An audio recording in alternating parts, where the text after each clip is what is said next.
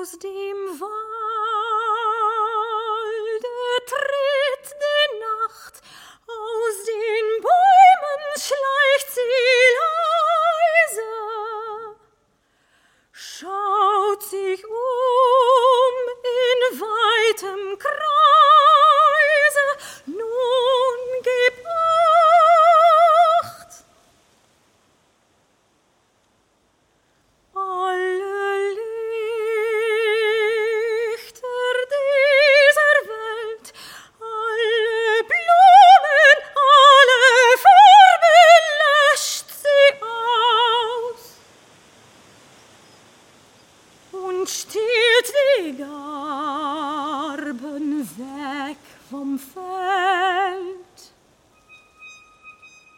Dat je s'nachts lastiggevallen wordt door je geweten.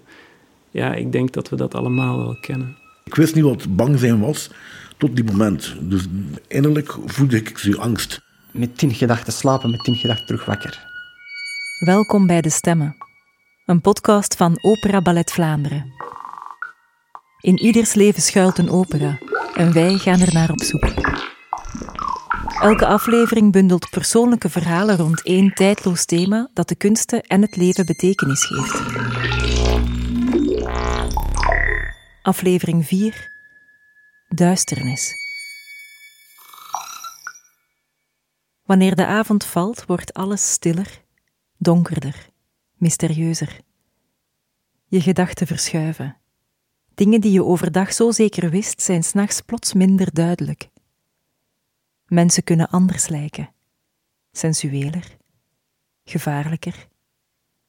Het donker kan ook veilig zijn. In de schaduw kan je schuilen als je op de vlucht bent. Dit zijn drie verhalen die zich afspelen in de schemering. Tom Swaak ligt vaak wakker. Ik hou zelf heel erg van de nacht.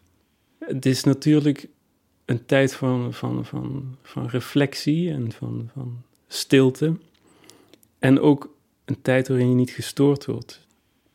Slapen, dat, dat vind ik zo een tijdverlies. Het moet, maar ik, ik, ik, ik voel me bijna iedere avond schuldig dat ik ga slapen, omdat ik dan niet iets nuttigs kan doen die nacht. Het is precies alsof mijn hoofd een bepaalde denkkracht heeft en waar die zich dan op, op, op uh, hoe zeg je dat? Die, die, dat is eigenlijk een blinde kracht of zo. Dat apparaat stopt niet en als het iets vindt, dan hecht het zich daaraan vast en dan, dan, dan, dan moet ik daarover nadenken op dat moment. Als ik mijn moeder mag geloven, dan had ik dat al als kind. Ja, altijd moeite om in slaap te komen. Als ik eenmaal sliep, dan was het geen probleem, maar het in slaap vallen is iets heel moeilijks.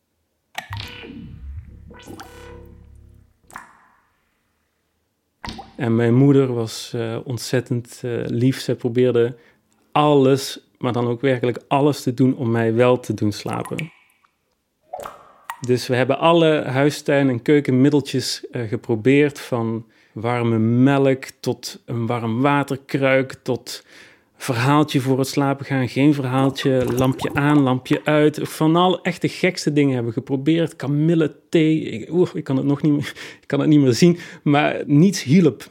Dus toen was het onvermijdelijk dat mijn moeder op een gegeven moment buiten de gebaande paden begon te zoeken naar uh, een remedie voor mijn slapeloosheid.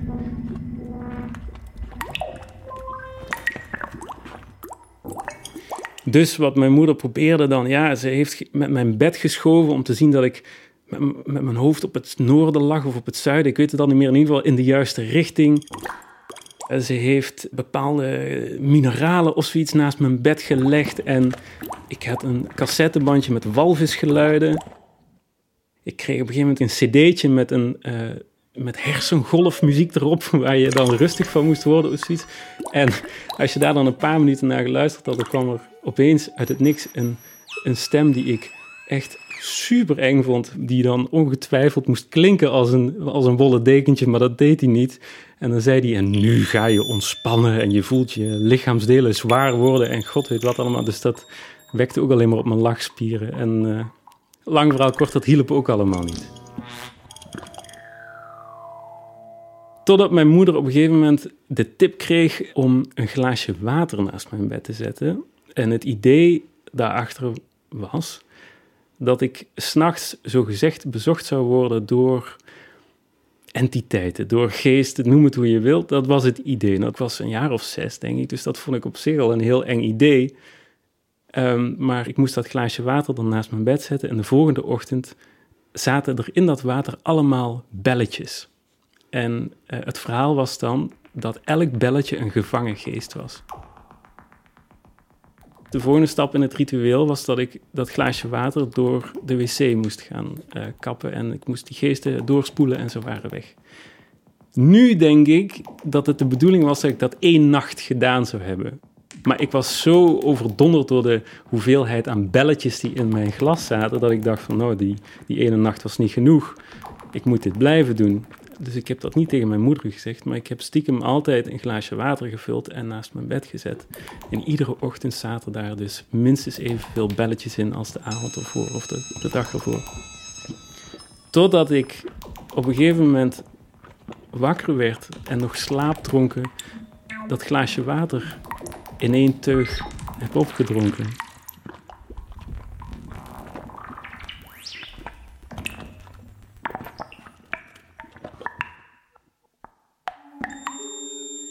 Soms zit je zo een beetje tussen waken en slapen in. En ik weet alleen nog dat ik op een gegeven moment zag dat het glaasje leeg was. Ja, toen sloeg de schrik mij om het hart, want wat wou dat nu zeggen? Die geesten die ik eigenlijk had moeten doorspoelen, die had ik op dat moment ingeslikt dat durfde ik al helemaal niet te vertellen aan mijn moeder, maar ik heb vervolgens nog jarenlang soms gedacht dat ik misschien een beetje bezeten was. Nu weet ik een beetje waardoor dat, dat komt. Um, als je maar goed genoeg zoekt, doe je altijd wel dingen fout. En dat is precies wat mijn, waar, waar mijn geweten mij toe aanspoort. Is om op zoek te gaan echt naar dingen die ik fout gedaan heb keuzes die je gemaakt hebt, dat je daar echt aan terug blijft denken. Maar goed, dat wist ik toen nog niet als kind waarom ik niet kon slapen. Ik kon gewoon niet slapen. Voor mijn moeder was het klaarblijkelijk geen enge gedachte dat je s'nachts bezoek zou krijgen van allerhande geesten. Maar voor mij was dat een doodeng idee. Mijn kinderjaren heeft dat toch wel uh, wat spannender gemaakt ja, misschien ben ik toch ergens wel beïnvloed door die geesten die ik heb geconsumeerd. Al bijna twintig jaar rijdt Yilmaz Korsoen s'nachts met zijn taxi. Dan is het verkeer rustiger, alles is stiller. Meestal toch. Want op een nacht heeft hij een bevreemdende ontmoeting. Als je een taxi doet, moet je allereerst veel hebben. Je moet je lichaam gewoon maken van te wachten. S'nachts wordt er niet te veel opgeroepen. Soms hebben we wel nachten dat je constant de een nacht de ander brengt. Maar lijkt een maandag, dinsdag, woensdag hè, is er zeer rustig. Je kunt niet zeggen van kijk, uh, ga het beginnen rijmen in een taxi en moet dat zo doen. Dat moet ook in u zitten. Uh, ofwel kun je het, ofwel kun je het niet. Als je geen geduld hebt, dan uh, is die job niet geschikt voor u.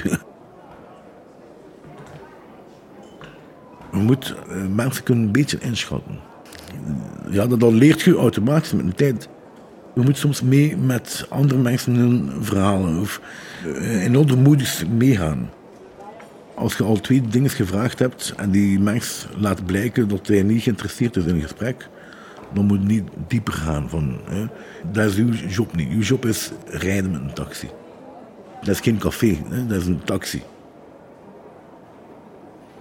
Buiten uw geduld, uw aanpassingen naar de klant toe, mag je zeker nacht geen schrik aan. Sommigen willen gewoon een keer stoer doen. Hè. Zelfs in die vijf minuten willen ze een keer de man uithangen. Soms zoeken ze boel voor niets, hè. gewoon omdat ze boel willen zoeken. Je hebt mensen van aard die graag ruzie maken. Klokken duwen, trekken, die betalen. Maar als je toen dan de schrik hebt, dan gaan, gaan ze je meer aanvallen. Die, die agressieve mensen, dat is ook heel raar, die leven ook precies meer in de nacht.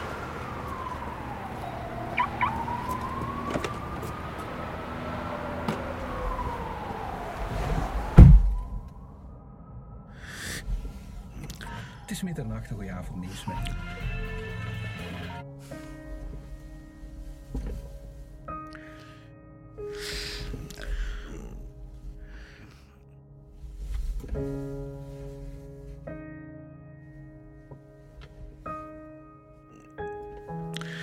Dat was een heel speciaal meisje. Ze was een beetje verward. Haar haar was zo Kijk naar haar. Ze zo door je ogen. Zo, hè. Die ruit naar beneden. Ik zei, hij een taxi gebeld. Nee, nee meneer. eh, ik moet een taxi hebben. Ik zei, waar moet je naartoe? En ze zei me zo een naam. Ik had dat nooit niet gehoord. Maar ik zei, geen probleem, stap maar in. Ik zei, moet wel nu betalen. En ze stapt in. Ik begin te rijden. Ik zei, gaat mij wel begeleiden eh, waar dat moet afrijden al. Ja, zegt ze, rij richting Nienhoven.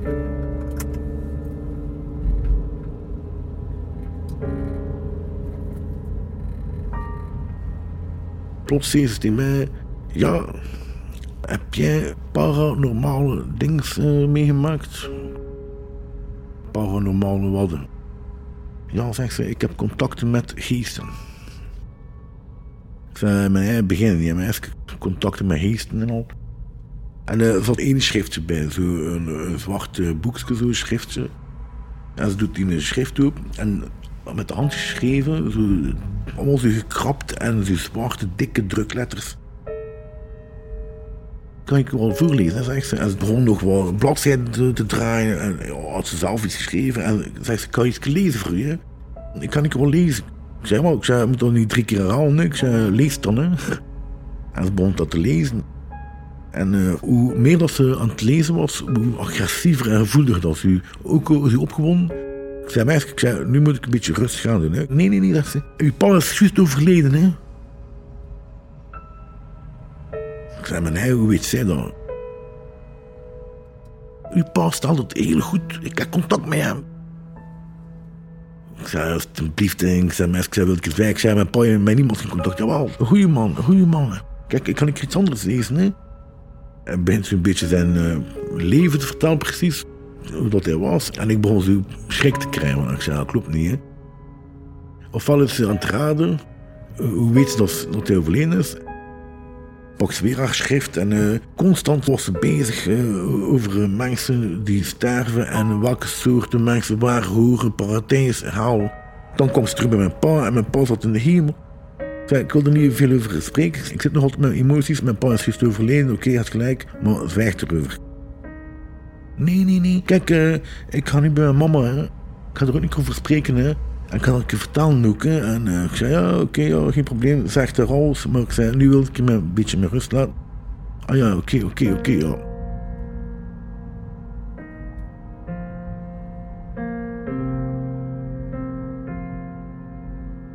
Richting Nino zegt ze, hier links, hier rechts, hier links. We komen zo in een smal straatje.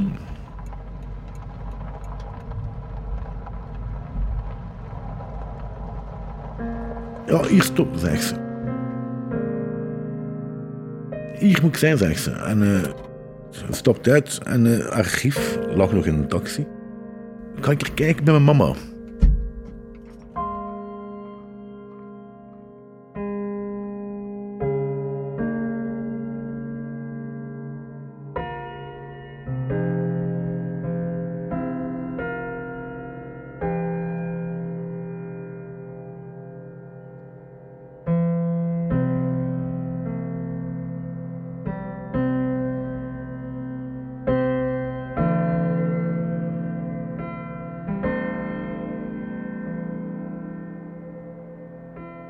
Als zo in een donkere straat in één keer binnenrijdt, tegen dat je ogen gewend wordt dat je iets ziet van kleur of, eh, of een hek of een steen. Met tijd, achter een minuut, beginnen je ogen een beetje dat straatje gewend te worden. Links van mij was zo allemaal zo wat struiken en dingen. Ik dacht een parkje. Rechts waren er zo een stuk of vijf, zes huizen. Twee, drie auto's. En dat was al zo heel smal straat. Zag haar niet meer lopen. En ik wilde in mijn linkse spiegel kijken van alleen, want waar loopt ze nu? Ik zag ik zo struiken, zo'n paal en zo. En ik zag juist zo grafzerken. Ik zei, verdomme, die mensen wonen hier eh, aan een kerkhof. Dat is zo het meest enge ding dat ik zou eh, nooit niet willen wonen en al. En in één keer plots komt ze daar weer. Haar stem wou verhogen. Meneer, ja, mama doet niet open. Ik zei, maar meisje, ik zei, maar ik, kun je nergens niet zien binnengaan. Nee, mama, doe nu zei ze. Ik zei, allee. Ik zei, maar welke huis zijn binnengaan? Ik zei, uh, hij is al aangebeld. Ja, maar ze ligt hier, hè, aan de kerkhof. Mama ligt hier. Ik zei, is die mama niet in leven? Nee, nee, nee, mama ligt hier.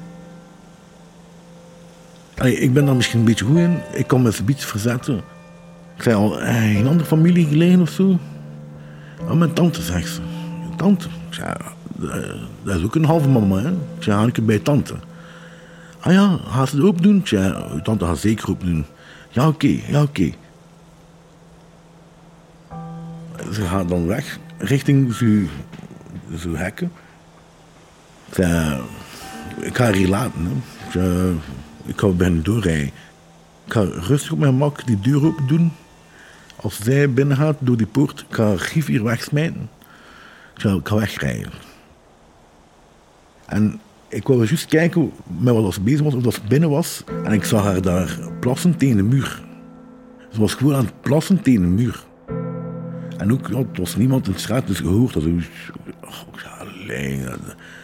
Ik zei, meisje, het is gedaan, hè. Ik smijt archief buiten uit de. Ik rijd door. Het blijkt dat er zo'n dood op een straatje was. Kunnen je doorrijden. Dus ik keer terug. Meisje stond in één keer plots dus midden van dat straatje.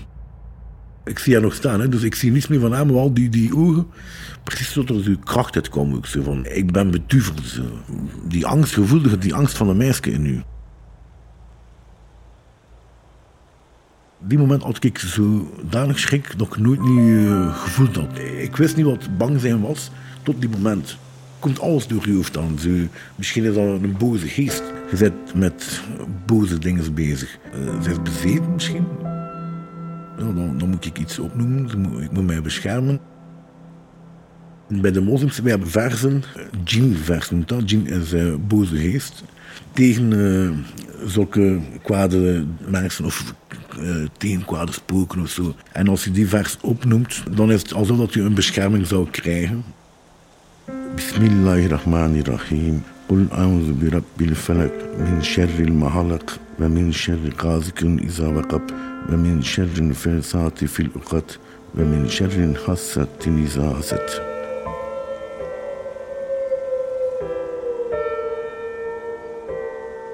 Toen ik dat begon op te zeggen, voelde ik het raar. Het gaat allemaal zo traag. Het is wel twee minuten, maar dat is gelijk een half uur dat daar staat. Ondertussen bleven we elkaar zo kijken, zo doorkijken. En zeker zij, die, die kreeg rillingen. Ik wilde daar weg. Maar ja, ofwel moest ik haar rijden. Dat, dat gaat niet. Ja, het is ook een mens. Maar dan zeg ik van, ja, dat is geen mens, dat is uh, iets boosaardigs. Dat moet uit de weg. Bismillahirrahmanirrahim. قل أعوذ برب الناس مالك الناس إله الناس من شر الوسواس للناس الذي يوسوس في صدر الناس من الجنة والناس Ik wou echt die gas induwen. Ik wou gewoon weg van daar. Ik, uh, maar toch was het iets dat mij tegenhield van je moet bij haar blijven. En plots kwam ze naar mijn linkse kant, of de chauffeurskant toe, al huilend. Uh, en uh, ze was aan het schreien en schreien. En deed een beetje van die ruit open. Ik, wou echt direct vertrekken, maar ik zag haar zodanig huilen en ze, ze zei iets dat dan mij zo indruk gaf van het is een andere meisje van daarnet. De ene was zo kwaadwillig en zij heeft hulp nodig. Ja, ze bleef mij zo aankijken als een klein kind van laat mij hier niet alleen.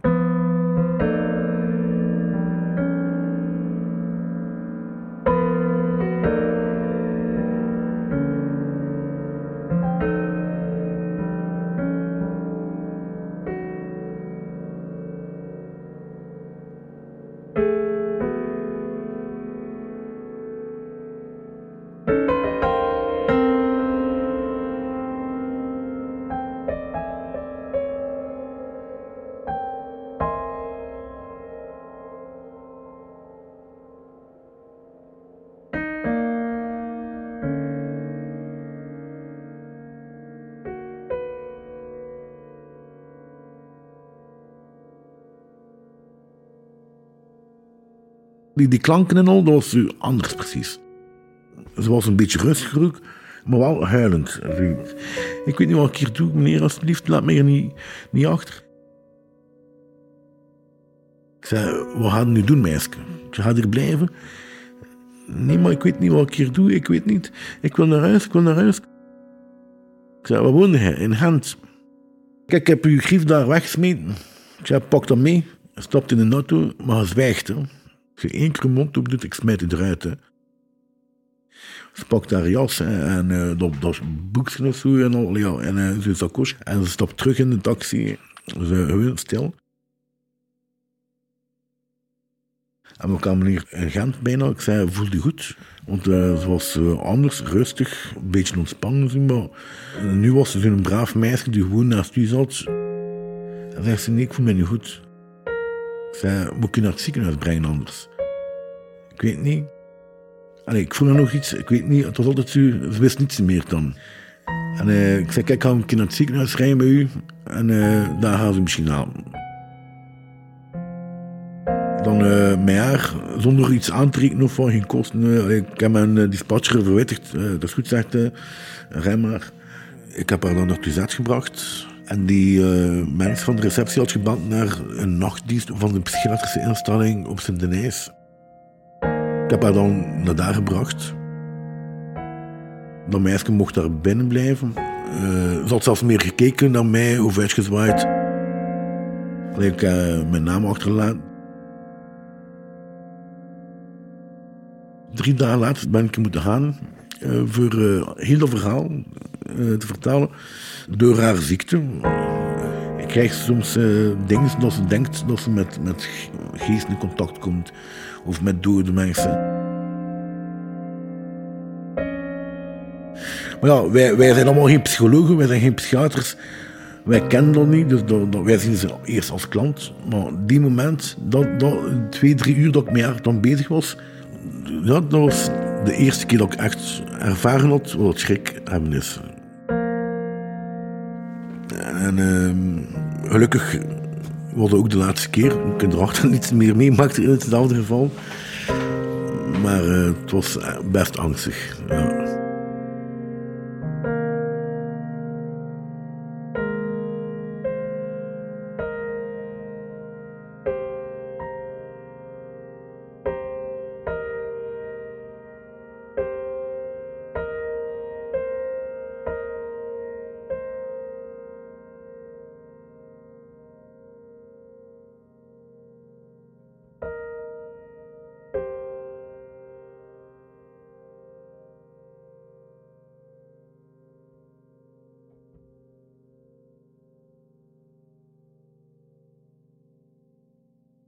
Mijn naam is Ahmed Zia Moment. Zia betekent licht. Zia is een jonge man met donkere ogen. In zijn kleine appartement schenkt hij cardamonthee in. Zet hij dadels klaar en pindanoten. Het is hier stil. Ik uh, hou niet veel van muziek. Want als ik veel muziek luister, dan uh, denk ik heel veel na over mijn moeder, over familie. Dus daar word ik een beetje verdrietig van. En krijg ik hoofdpijn een beetje. Dus daardoor luister ik niet veel naar muziek. Heel soms wel. En ook niet, niet veel zo naar een muziek die te veel lawaai maakt of veel roepen. En gewoon naar een uh, rustige muziek. Zia houdt van stilte. En van poëzie. Waarom houd ik van poëzie? Uh, dat komt gewoon spontaan in mijn hart. Ik schrijf zelf, zelf poëzies ook, daarom hou ik van poëzies. En dat begrijp ik wel, dat wat betekent dat, over wat gaat het. Op zijn tafel ligt een boek open over de geschiedenis van Afghanistan. Nu is hij 21 en ondertussen woont Sia al enkele jaren in België. Hij komt uit een klein dorp dat hij nu meer dan vier jaar geleden heeft verlaten. Ik ben uh, op 15 maart 2000 in Afghanistan, provincie Ningraar, geboren. Hoe heette jouw dorp? Dandi Barakat Khan. Dandi Park. Barakat Khan. Dandi Barakat Khan. Yes. Ik mis nog altijd mijn vrienden. Herinner ik mijn uh, leerkrachten nog altijd. Mijn school nog altijd. Mijn klasgenoten nog altijd. Toen heb ik uh, cricket gespeeld daar. Ik hou van cricket. Dus daar heb ik wel mooie herinnering ook van. Dus eh, mijn gebied waar ik geboren ben, mijn moeder, mijn zus, mijn broers, dat herinner ik wel. Mijn dorp ligt tussen de bergen, naast de rivier, altijd groen en een heel mooi dorp, maar helaas dat nog altijd oorlog is. De herinnering is dat eh, elke dag met een eh, nieuwe verschrikkelijke situatie, elke dag met een eh, nieuwe accident, dus elke dag met een nieuwe leider van dorp, van provincie, wordt vermoord, zelfmoorden, onslagen, herinnering van kapot te maken mensen, onveilige situatie maken. Deze situatie heb ik het zelf gezien. Ik ben geboren in oorlog. Al 40 jaar nog eh, nooit gestopt oorlog. Vooral wanneer de avond viel, werd Sia bang. Altijd een hele slechte herinnering van nacht. Na vijf uur s'avonds, na zes uur s'avonds, bij onze dorp kunt je niet naar buiten komen. Dus altijd donker, altijd verschrikkelijke situatie, altijd heb je eigenlijk eh, een beetje bang van je eigen schaduw. Dus als je naar buiten komt, pak je een, een licht mee. Mensen uh, worden uh, dood door onbekende mensen, door Taliban of door Afghaanse overheid, door Amerikaans. Uh, acht jaar geleden mijn vader is vermoord. Eerst was zijn job politieagent. Dan kreeg hij een andere baan van overheid. Dus uh, op het laatste moment toen hij vermoord was, hij heeft gewerkt bij de afdeling van antiterrorisme. Oké. Hij was hoofd van antiterrorisme, dus leider. En wat is er gebeurd? Taliban. Die zijn terroristengroepen die tegenovergesteld van de Afghaanse overheid is. Mijn vader had een plan om naar buiten te gaan voor een operatie met zes personen. Zo begrijp ik het van mijn moeder, van de leider van het district, van zijn vrienden.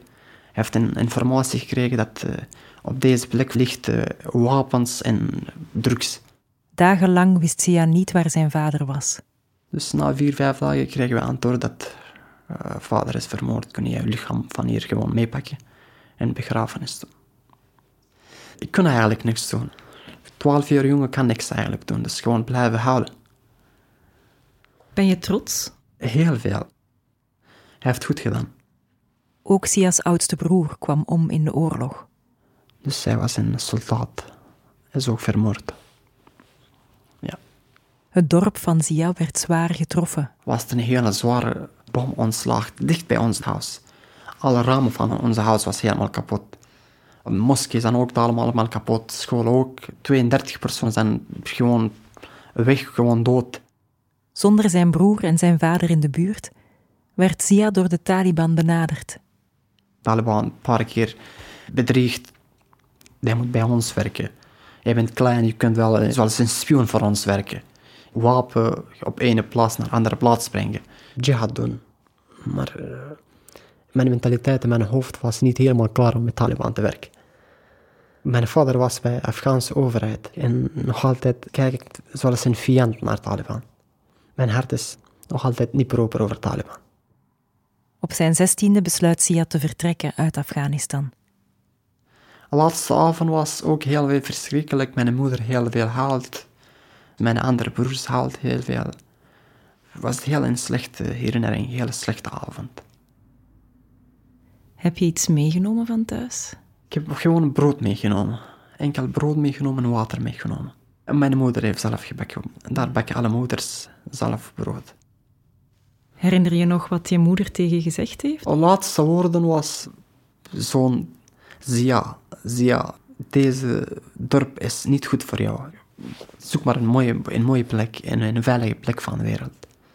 Beter vertrek van hier. Jouw onkel gaat me helpen. Dus uh, vertrek van hier, mogen Allah je beschermen. Mogen God je beschermen. Knuffelt mij, kust mij begint halen, ik ook, dan vertrek ik van huis. Helemaal s'nacht donker. De auto genomen om naar, stad te rijden. Daar met smokkelaar gesproken. De smokkelaar heeft een andere auto met, toen nog uh, uh, twee of drie jongens. Samen vertrokken naar de hoofdstad van Afghanistan, naar Kabul. Zia reisde langs omwegen van Afghanistan door Iran, door Turkije, Bulgarije, Servië, Kroatië tot in Italië.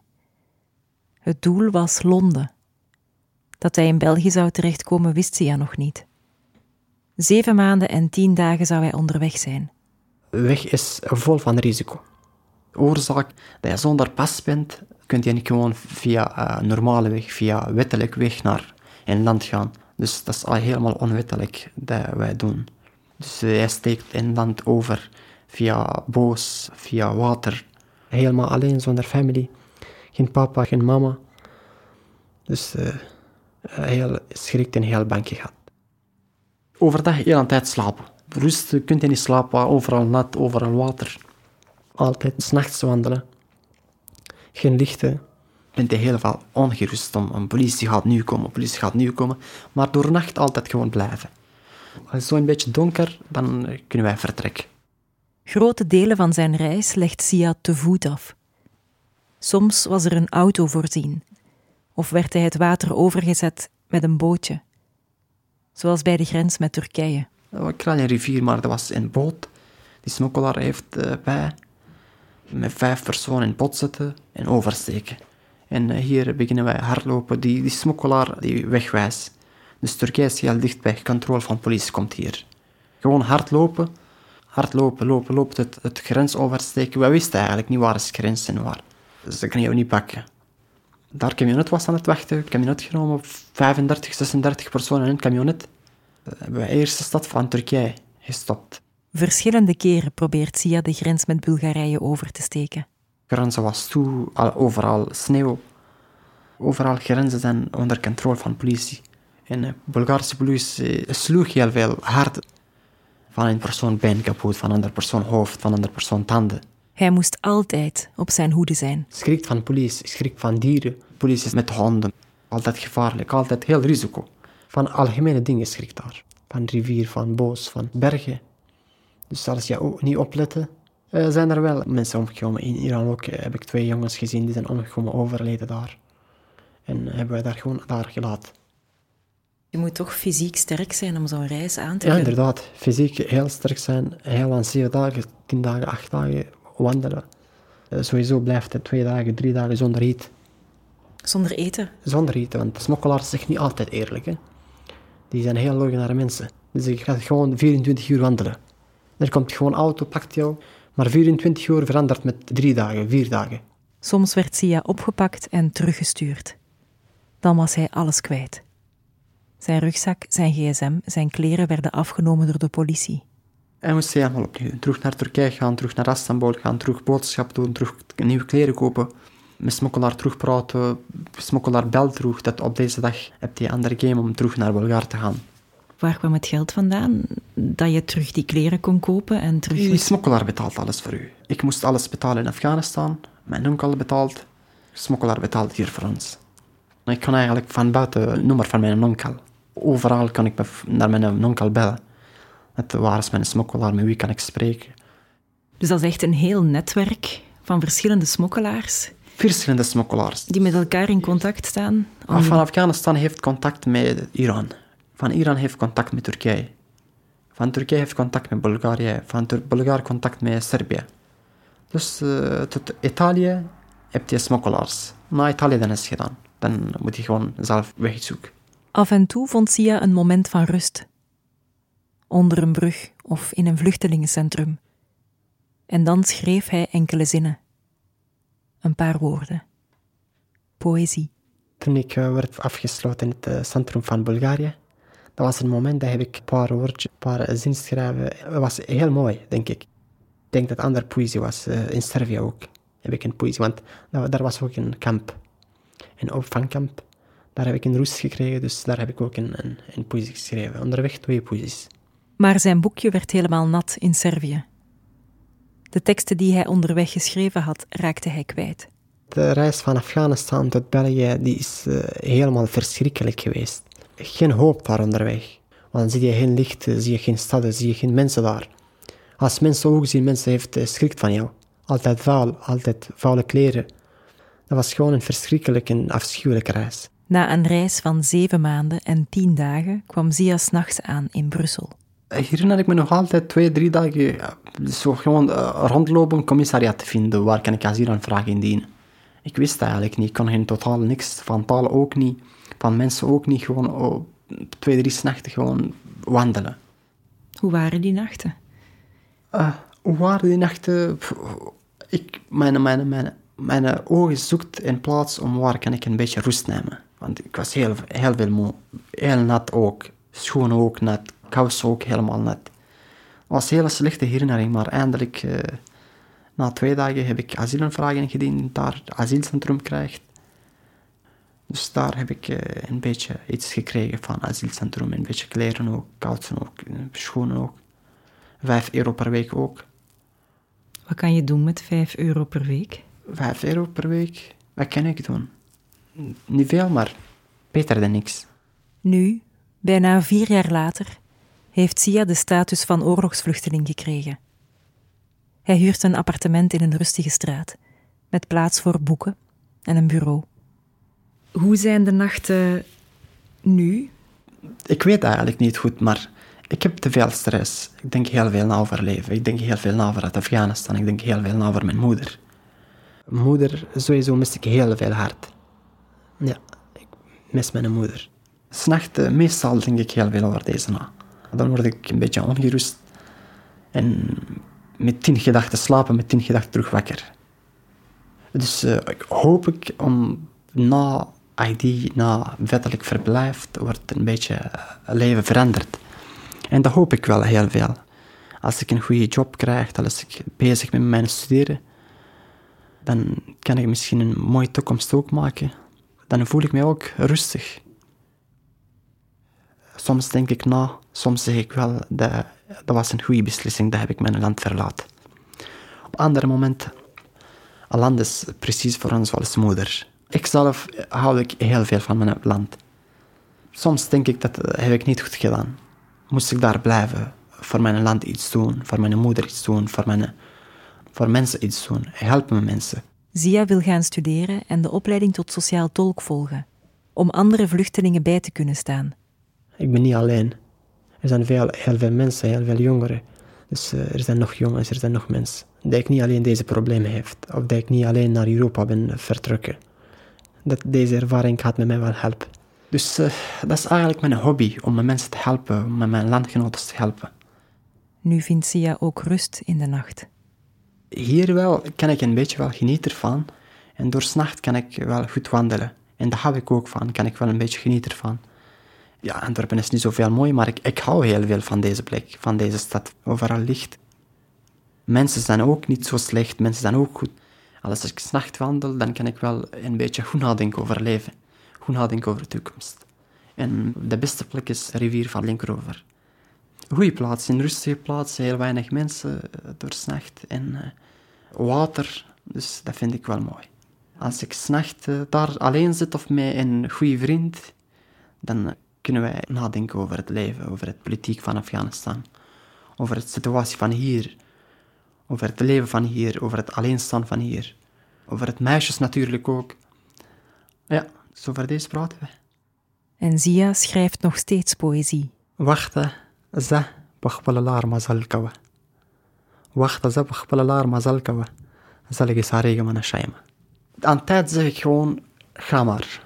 Aan dag of s'nacht zeg gewoon, ga maar. Ga maar gewoon doorlopen.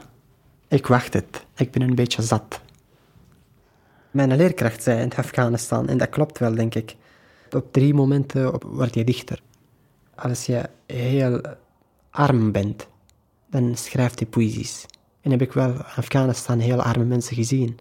Arme vrienden gezien die poëzie schrijven, die zijn dichters.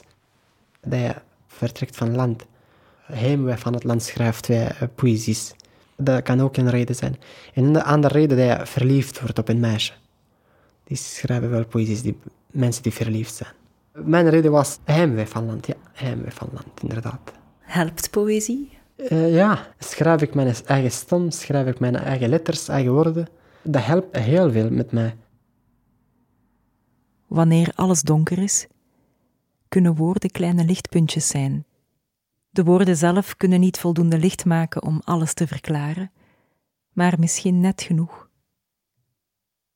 In het lied Mondnacht heeft de componist Robert Schumann een romantisch gedicht van Jozef von Eichendorff op muziek gezet.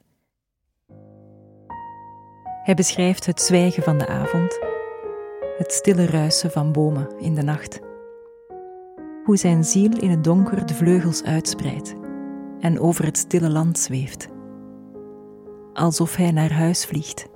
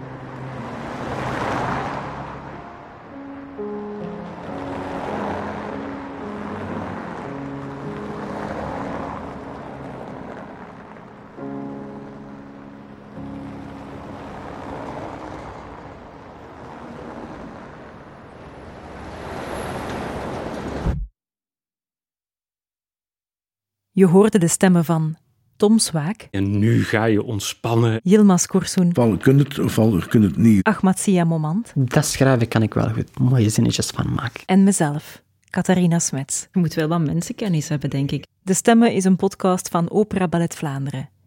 Onze sounddesigner is Maarten Buil. Onze hoofdredacteur is Catharina Lindekens.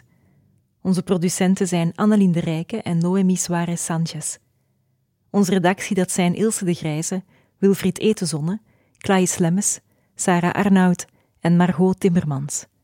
Onze adviseur is Randy Vermeulen. Je hoorde een bewerking van enkele delen uit In einer Nacht van Paul Hindemith. Veel dank aan sopraan Herlinde van den Bossen en pianist Jeff Smits. Ze brachten de liederen Mondnacht van Robert Schumann en Die Nacht van Richard Strauss. De Stemmen is lid van podcastnetwerk Luister. Tot binnenkort op operaballet.be.